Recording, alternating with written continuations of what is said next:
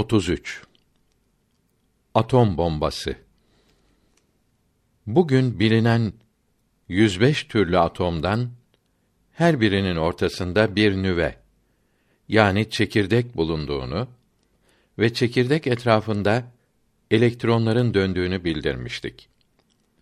En küçük atom hidrojen gazının atomu olup bir elektronu vardır. Daha büyük atomların elektronları iç içe muhtelif halkalarda döner. Mesela uranyum ismindeki bir basit cismin atomunun 7 halkası üzerinde dönen 92 elektronu vardır. Hidrojen atomunun çekirdeği artık bölünemeyen mini mini bir taneciktir. Bu hidrojen çekirdeğine proton denir. Protonlar bir müsbet elektrik taşır. Diğer bütün atomların çekirdeklerinde protonlar ile birlikte nötron denilen elektriksiz tanecikler de bulunur.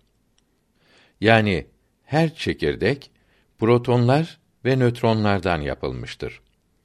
Proton adedi çekirdek etrafında dönen elektron adedi kadardır.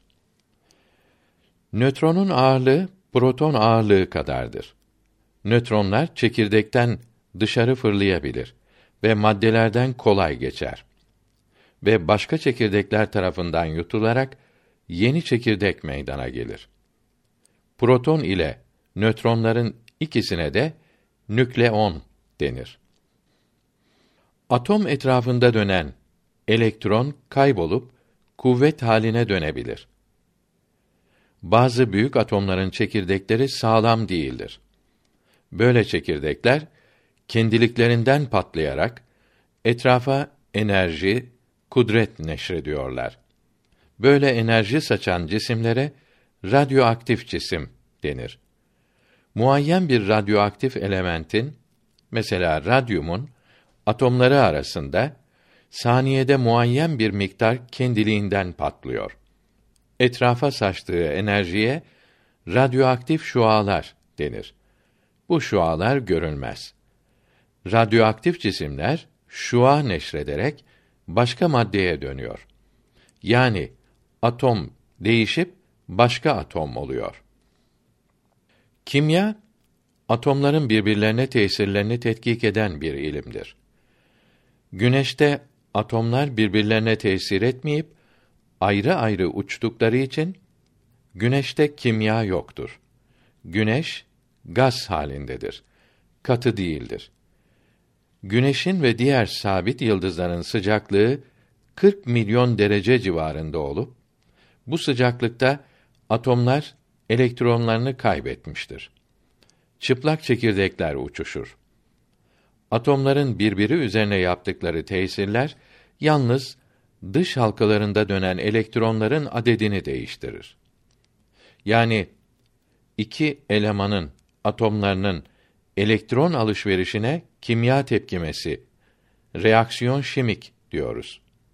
Yanma hareketleri ve bütün enerji değişmeleri bu elektron mübadelesinden meydana geliyor. Kimya kanunları atomun iç halkalarına ve hele çekirdeğine giremiyor, karışamıyor. Atom bombasının enerjisi, kuvveti ise atomun çekirdeğinin değişmesinden meydana geliyor.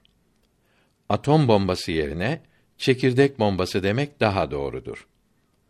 Atom çekirdeğinde muazzam kuvvetlerin saklanmış olduğu ilk olarak radyoaktif cisimleri tetkik ederken meydana çıktı.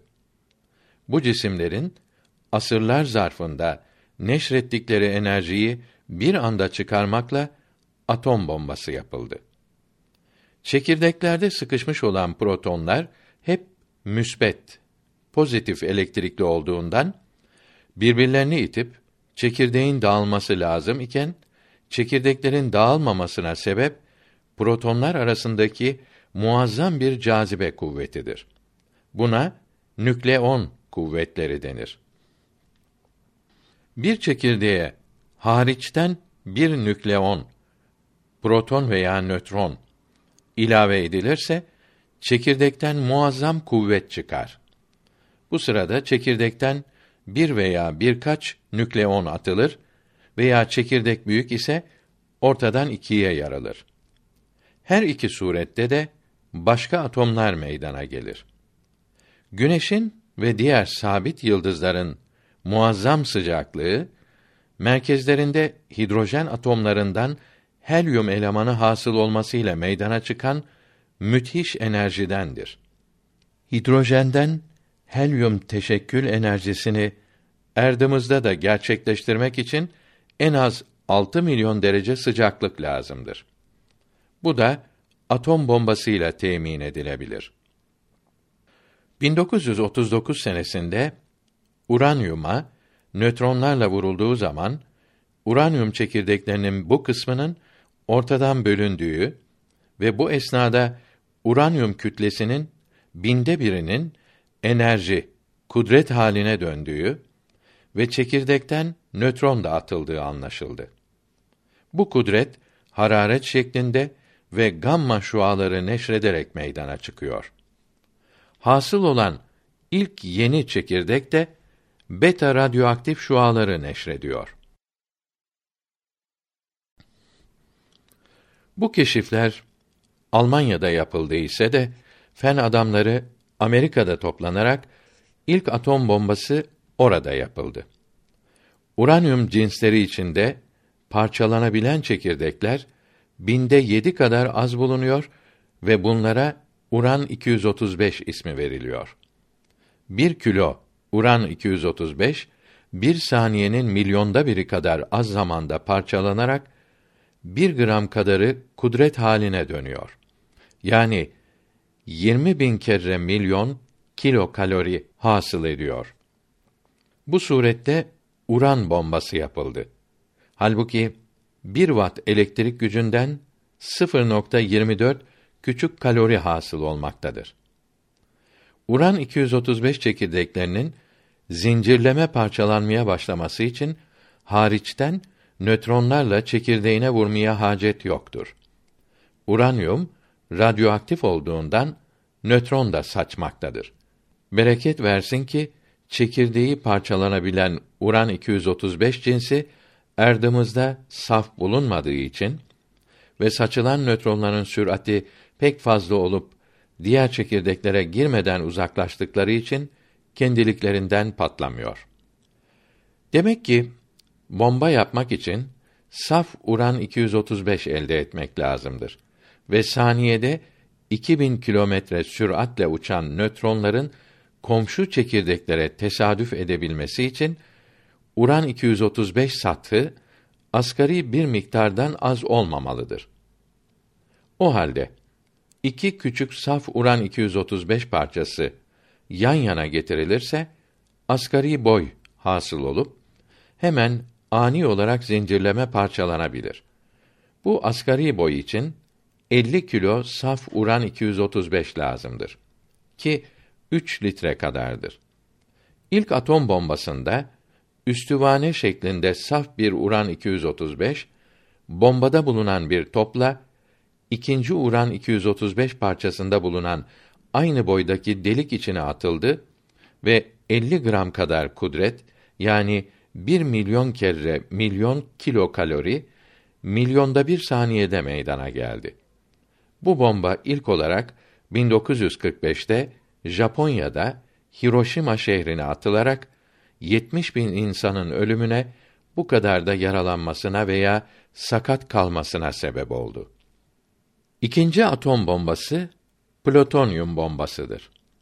Bunun için grafit kömüründen kalın bir levhada açılan üstüvane silindir şeklindeki boşluklara saf olmayan uran üstüvanecikleri yerleştirilir. Buna uran pili ismi verilmiştir. Kömür tabakası nötronların süratini azaltıyor.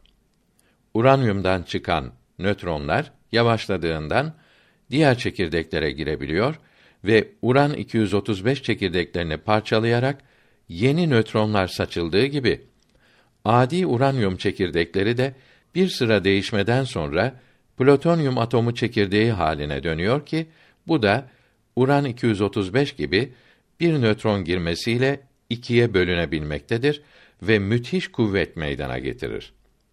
Meydana gelen plutonyumlar diğer maddelerden kimya usulleriyle kolayca ayrılarak asgari boyu 2 litrelik bombaları yapıldı ve ilk olarak 1945'te Japonya'da Nagasaki şehrine atıldı.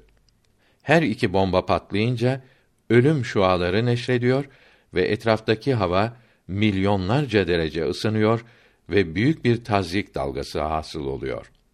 Yani bomba patlayınca müthiş yakma ve yıkma tesiri derhal görülüyor. Gamma şuaları da insanları birkaç hafta sonra öldürüyor. Etrafa yayılan plutonyum zerreleri ise radyoaktif zehirlenmesini aylarca icra ediyor. Japonya'ya atılan iki atom bombasından ölenlerin sayısı kesin bilinemedi. 27'si Amerikan ve 49'u Japon olan 966 kişinin 15 sene çalışarak anladığına göre Hiroşima'da 144 bin, Nagasaki'de 51.570 kişi ölmüştür. İkinci Cihan Harbi'nden sonra atom çekirdeğinin parçalanmasından meydana gelen kuvvetten istifade ederek yeni silahlar yapıldı. Bu suretle atom torpilleri, roketleri ve güdümlü mermileri, atom topu mermisi ve mayınları meydana geldi. Atom silahları patlayınca hemen şiddetli bir rüzgar etrafa yayılıyor. Bu rüzgar beş saniye sürüyor. Sonra etraftan buraya ikinci bir rüzgar hasıl oluyor. Bu rüzgarlar binaları, ağaçları yıkıyor. Ancak kuvvetli çelik çerçevelerle takviye edilmiş beton binalar bunlara dayanabiliyor. Gamma şuaları kandaki ak yuvarları, lökositleri tahrip edip al yuvarların, hematilerin üremesini men ediyor. Hiroşima'da bu şualarla 9 bin kişi ölmüştür ki bu miktar tekmil zayiatın yüzde on beşi kadardır. Patladığı yerden itibaren birkaç kilometreye kadar şiddetli tesiri vardır. 33 santimetre kalınlığında çeliğin, 1 metre betonun, 167 santimetre toprağın atom bombası tesirinden korudukları tespit edilmiştir. Üçüncü ve en tehlikeli atom bombası da hidrojen bombasıdır. Bir kilo plutonyum, bir gram kudret verdiği halde, bir kilo hidrojen, yedi buçuk gram kudret veriyor. Hidrojen bombası, adi hidrojenle değil, ağır hidrojenle işletilmektedir. Çünkü iki ağır hidrojen çekirdeği 6 milyon derece sıcaklıkta daha kolay birleşerek bir helyum çekirdeği hasıl ediyor. Bugün tesiri daha fazla ve daha korkunç atom bombaları yapılmaktadır. Fakat şimdi atom bombasından endişe ve korku kalmamış gibidir. Çünkü haber alma merkezlerinde radar ile düşmanın bomba taşıyan tayyaresinin harekete geçtiği görülüyor. Yerden idare edilen roket atılarak tam isabet ile bomba düşmanın memleketi üzerinde patlatılacak, onun bombasıyla kendisi imha edilecektir. Radar merkezindeki odanın duvarında düşman memleketlerinin büyük bir haritası vardır. Herhangi bir şehirden bir üstten kalkan tayyarenin cinsi, yüksekliği, hızı, uçuş istikameti her saniye görülmektedir. Keşif tayyareleri ve gemiler düşmanın binlerle kilometre uzaktaki hareketi o anda perdede görülmektedir.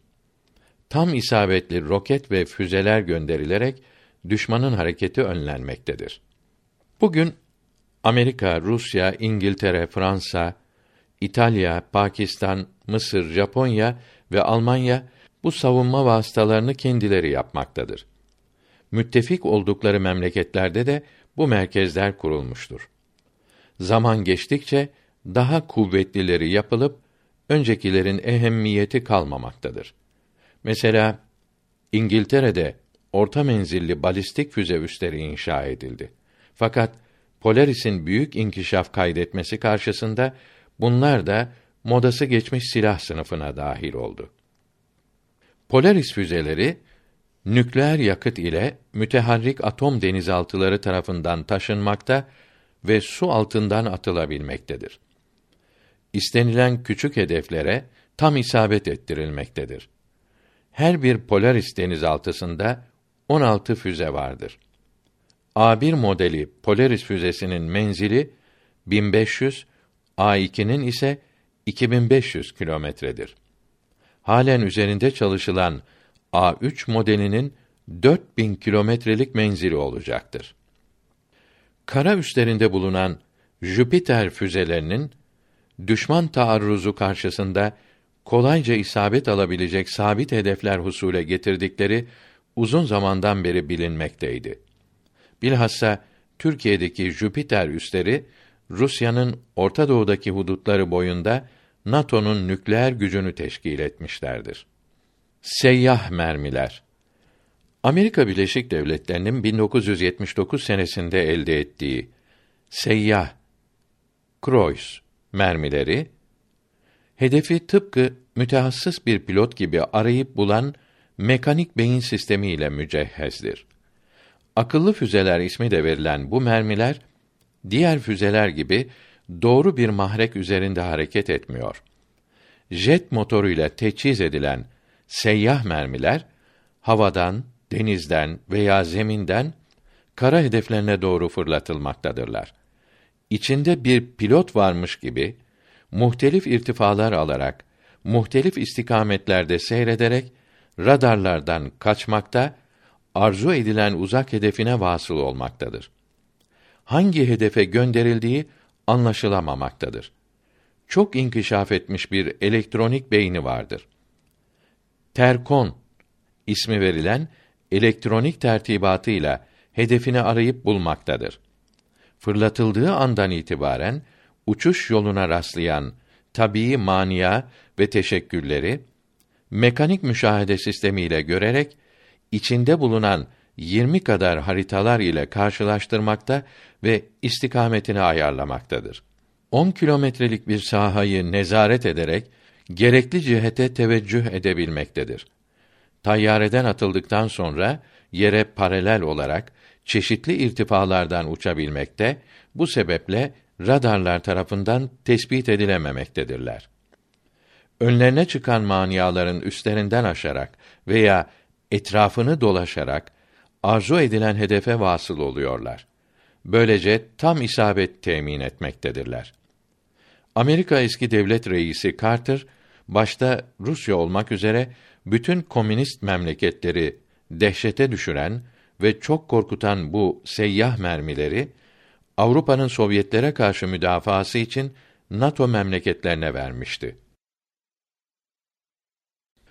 1957 senesinde Amerika'da 8, Kanada'da 1, İngiltere'de 2 uran pili işletilmekteydi.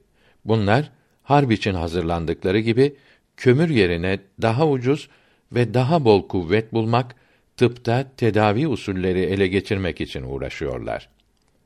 1956 senesinde memleketimize gelip atomda saklı muazzam kudret hakkında müteaddit konferanslar veren atom alimi Heisenberg sözlerini şöyle bitirmişti.